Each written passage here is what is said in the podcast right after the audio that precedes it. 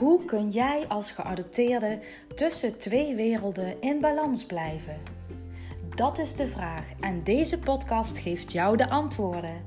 Wat als jij krachtiger in dit leven kan staan en meer rust en plezier kunt ervaren? Zelf begon ik met het creëren van een nog positievere mindset. Hierna ging ik mij verdiepen in de gevolgen van adoptie, als ook de gewenste nazorg voor geadopteerden en hun ouders. Mijn naam is Dilani Nabuurs en welkom bij de Dilani Nabuurs podcast. Welkom bij deze nieuwe aflevering. Deze aflevering, de vijftiende alweer, gaat over een gebroken pop. En uh, dat gaat over een verhaal uh, van een vrouw, Trista. Um, en dat verhaal staat in het boek A Radical Awakening van Dr. Shivali Sabari. En zij zat bij Oprah Winfrey in een podcast. En ik heb uh, met plezier naar hun gesprek geluisterd. Uh, dat ging over haar boek A Radical Awakening. En dat boek gaat eigenlijk met name over het vinden van je authentieke zelf weer. Um, dat, dat wij vrouwen vaak uh, in welk land of cultuur dan ook um, een beetje gevangen zitten in uh, een soort van standaarden, in wat er verwacht wordt van jou, in de familie. Dat je gaat studeren, gaat trouwen, kinderen krijgt. Uh, ik heb bijvoorbeeld pas ook um, dames gehoord die zich afvragen van ik, ja, ik hoef, ik wil eigenlijk misschien geen leven met kinderen, maar er wordt door mijn omgeving dan zo verwacht dat ik toch wel een keertje zwanger ga worden. Hè? En ja, ik wil eigenlijk uh, wel verder uh, met een leven zonder kinderen. Um, hè? Maar dan zie je dus weer wat de verwachtingen zijn van buitenaf en wat dat dan met je kan doen. Niet dat zij daarom aan kinderen zal gaan beginnen, maar ja, zij wordt er soms ook uh, onzeker van of um, ja, dat dames dan toch aan verwachtingen willen voldoen, maar dat niet altijd kunnen. Of toch kiezen om dat dan niet te doen. Uh, maar dat je dan ook weer op weerstand stuit hè, vanuit je omgeving. En dat dat niet altijd prettig uh, kan zijn. Maar dat het uiteindelijk toch gaat om ja, wie jij bent en om wat jou uh, gelukkig maakt. Hè, hoe jij je leven graag in wil vullen. Um, zodat het voor jou moeiteloos gaat en uh, met vooral heel veel plezier en liefde en uh, gezelligheid. Nou, dus um, deze vrouw, Dr. Shefali Sabari, die uh, schrijft heel erg mooi in haar boek hoe je die radical awakening kan um, bereiken en ja, hoe je daarmee aan de slag kan gaan voor jezelf. Um, en ja, ik kwam dus uh, aan bij het verhaal van deze mevrouw die Trista heette. En dokter is dus ook therapeute. En deze vrouw Trista die kwam dus ook bij haar terecht uh, voor hulp. En ja, zij vertelde dus dat zij vroeger heel erg gehecht was aan haar pop. En ze had zelfs deze pop dezelfde naam gegeven als haarzelf, Trista. Nou, toen ze vier jaar was, uh, had ze per ongeluk haar pop op een of andere manier wat kapot gemaakt. Dus ze huilde en ze huilde wel urenlang. En de vader, die, die was er eigenlijk een beetje moe van dat ze zo lang aan het huilen was. En zelfs aan het avondeten was ze ook nog zo uh, verdrietig. En ja, hard aan het huilen. Dat hij er zo klaar mee was. Hij was het zo beu dat hij zei: Stop nu met huilen. Of ik breek je pop uh, echt doormidden. En nou, dat geschiedde. Hij werd er helemaal niet goed van. Ze stopte maar niet met huilen tijdens het eten s'avonds. En hij pakte haar pop en brak haar pop gewoon kapot. Nou, Trista die was dus zo verdoofd en ze voelde zich zo afgestompt hè, dat haar pop, ja, dat was gewoon bijna haar tweede ik, waar ze met liefde voor zorgde. En die was, ja, die was al kapot en nu had haar vader de pop echt bewust ja, helemaal door midden gebroken. En uh, ja, dat, dat was haar pop. Dus ze wilde nog harder huilen en schreeuwen. En haar, liefst haar vader gaan slaan en schoppen. Maar in plaats daarvan stond ze bevroren aan de grond. Het was alsof hij haar in stukken had gebroken. En niemand die haar kwam helpen of die haar kwam troosten.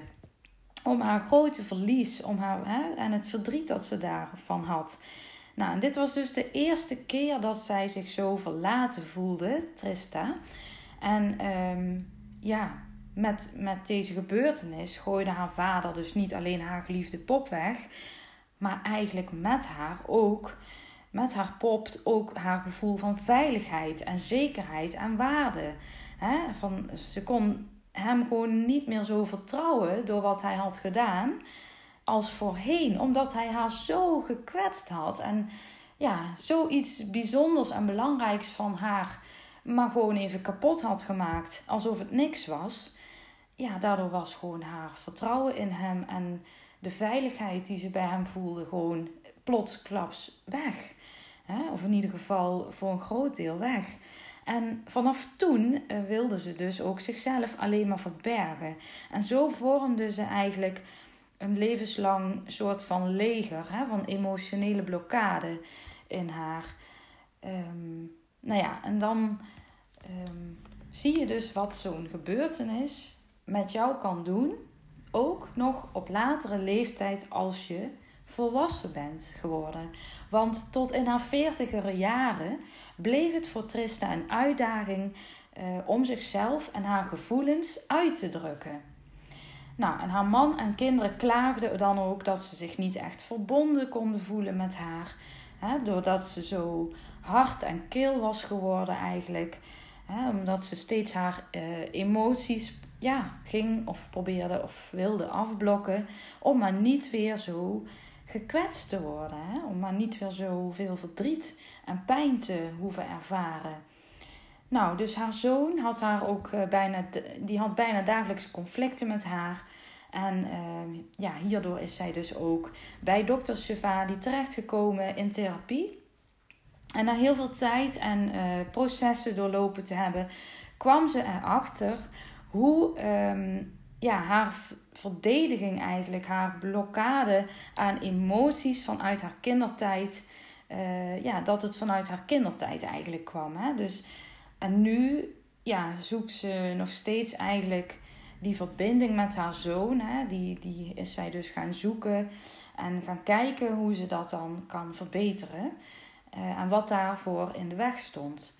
Nou, dus um, ja, ze herhaalde dus sommige patronen en op haar eigen manier dan, maar van haar vader. Dus wat haar vader bij haar deed, zag je dus ook in patronen weer terugkomen in haar gedrag naar haar eigen zoon toe.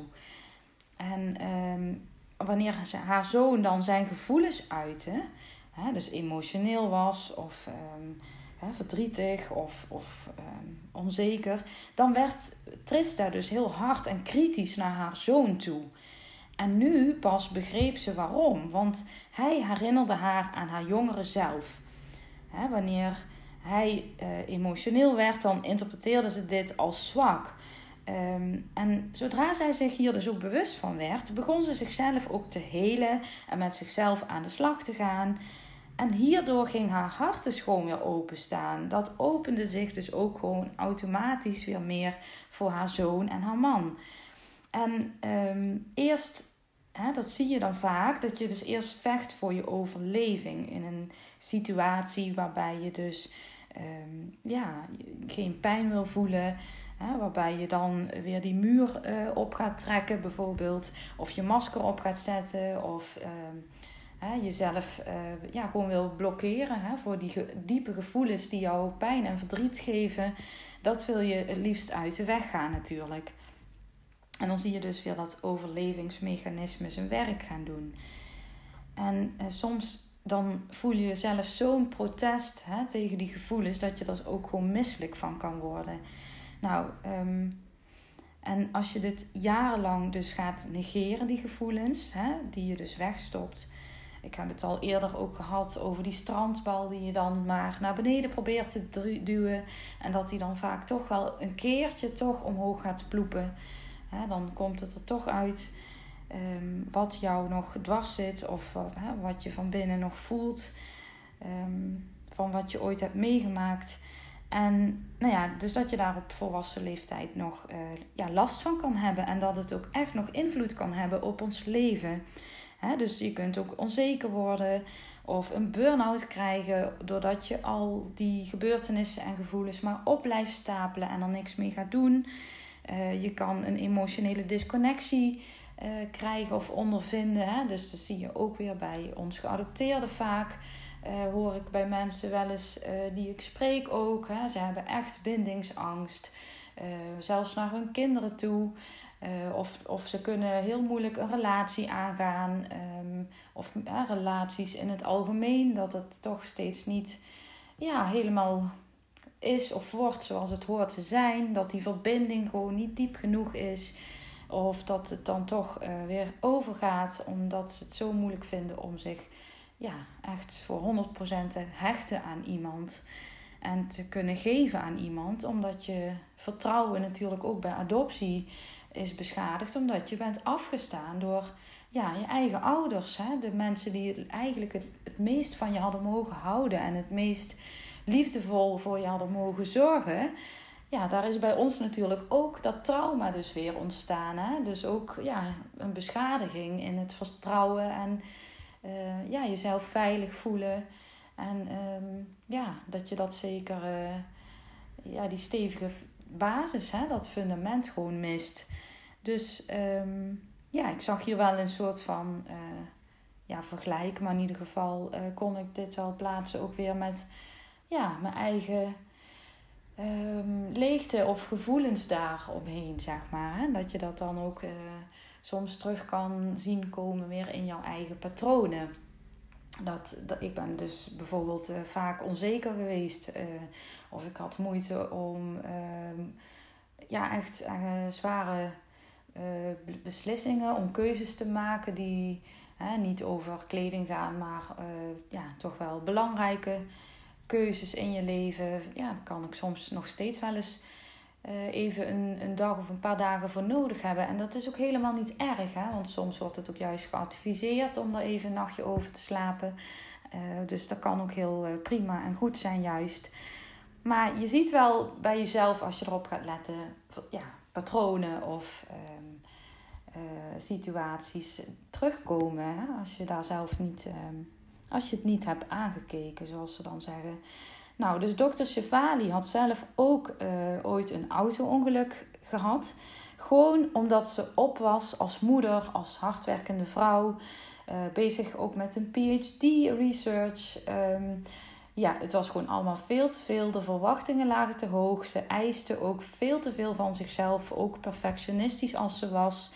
Um, nou ja, zelf uh, zie ik het ook. Hè? Als, je, eh, als ik bijvoorbeeld met uh, crisissen in mijn leven zit, en dat klinkt dan weer heel zwaar, maar een crisis kan ook zijn um, als bijvoorbeeld als je je baan verliest, of als je relatie natuurlijk eindigt, of als vriendschappen beëindigd worden na jarenlange vriendschap. Hè? Dan, dan voelt dat soms ook als een soort, ja, als een crisis. Ze noemen het ook gewoon een crisis. Um, maar in ieder geval dan zie je op die momenten dus ook vaak dat je weer gaat, terug gaat naar jezelf. Hè? Van ja, maar wie ben ik eigenlijk? En um, ja, wie ben ik nu geworden in al die jaren? En is dat ook wie ik wil zijn of wil blijven? Misschien vond je het al die tijd wel heel prima, maar ben je nou weer toe aan vernieuwing? Of hè, wil je ergens anders gaan wonen? Wil je misschien gaan verhuizen naar, een, naar de stad als je altijd op het platteland hebt gewoond? Of andersom, wil je juist graag na jarenlang in de stad te hebben geleefd, uh, ben je juist op zoek naar rust en wil je ergens gaan wonen op het platteland in de natuur en wil je daar een nieuwe baan gaan zoeken. Nou ja, dat kan allemaal, maar ja, daarvoor um, moet er vaak eerst iets gebeuren of uh, ja, moet je natuurlijk eerst gaan, bewust gaan worden van ben ik tevreden met mijn leven en zo niet, wat wil je dan? Wat wil je dan graag veranderen? Nou, dus zo zie je ook um, vaak hè, bij veel mensen um, die hun emoties uh, verstoppen hè, en dat, je, dat niemand het maar ziet, uh, dat die mensen dan toch vaak zich leeg en onplezierig gaan voelen. En uh, stiekem, beetje bij beetje, vallen ze dan uit elkaar. Dus dat zie je dan vaak bij een burn-out. Dan stapelt het zich op en uiteindelijk ja, dan, dan houd je dat gewoon niet meer vol. Dan trek je dat niet meer. En dan, dan geeft je lichaam ook gewoon aan van... tot hier en niet verder. En dan, dan, ja, dan is het eigenlijk al veel te laat.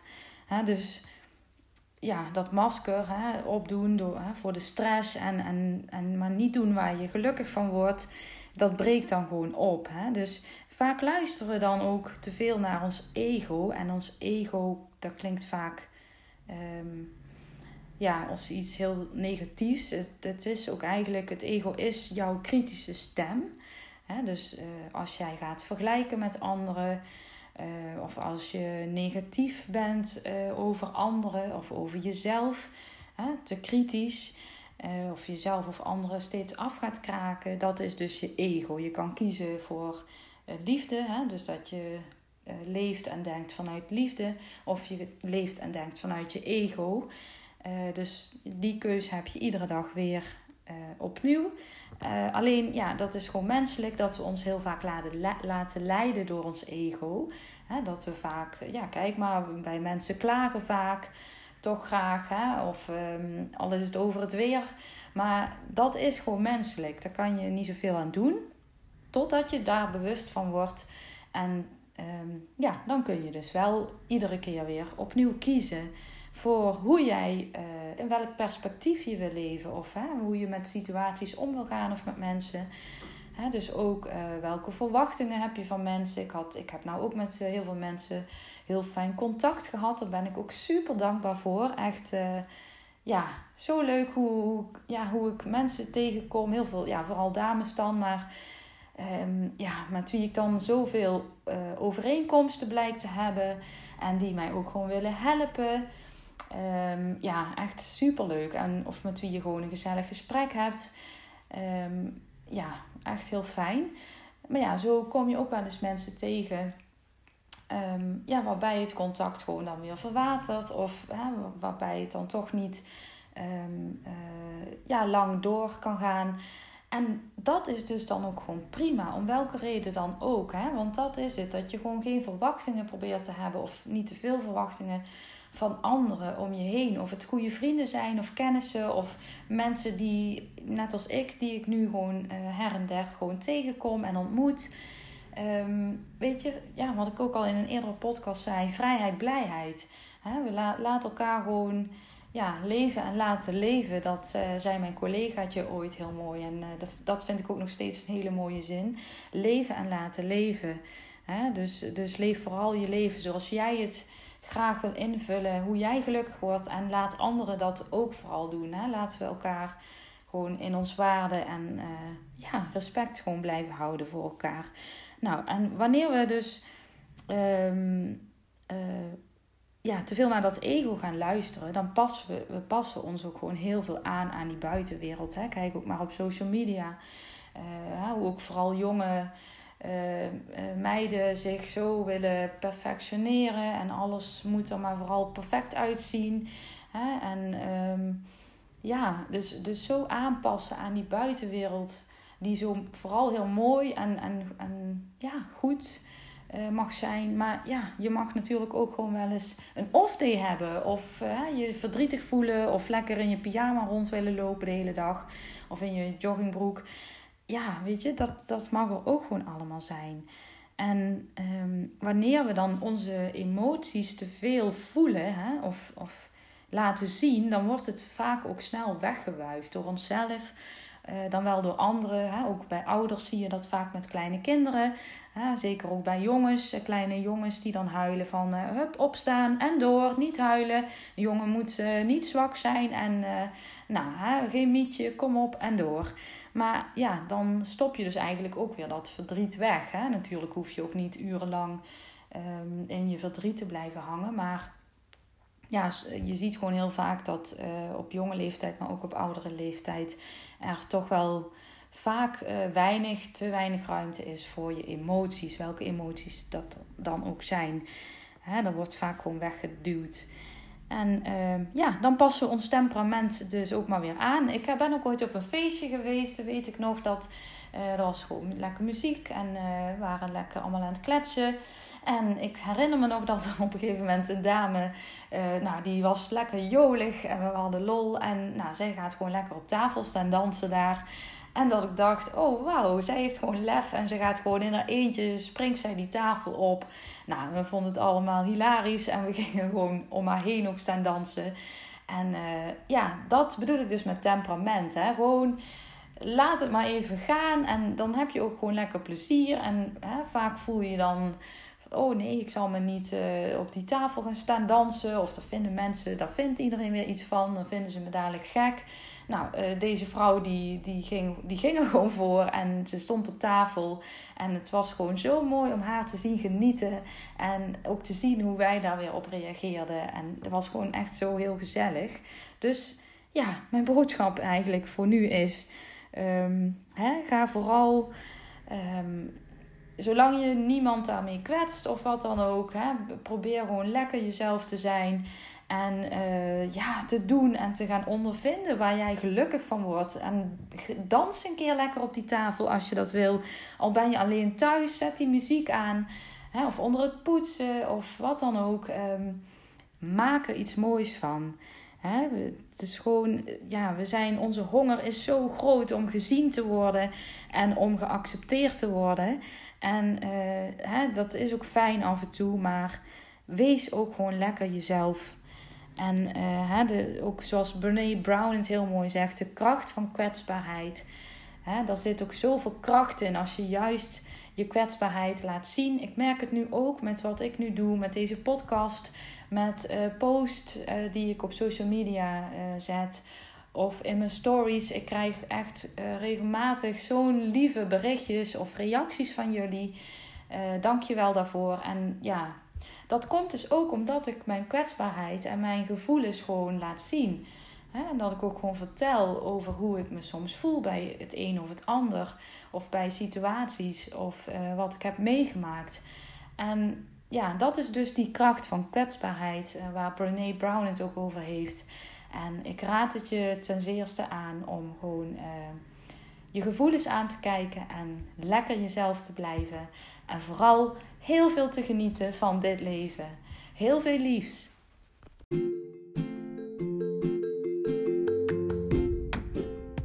Hartstikke bedankt voor het luisteren. En mocht je iets terug willen doen voor alle gratis content die je van mij ontvangt, dan waardeer ik het enorm als je deze aflevering deelt in jouw stories en mij even tagt. Zodat ook andere personen kunnen gaan genieten van meer rust en plezier in hun leven. Ik hoop dat ik je weer meer inzicht heb kunnen geven. En mocht je nog vragen hebben over deze aflevering of weet je zelf een mooi aansluitend onderwerp waar je graag meer over wil weten, stuur me dan gerust een berichtje op Facebook of Instagram. Tot de volgende keer. Liefs Dilani.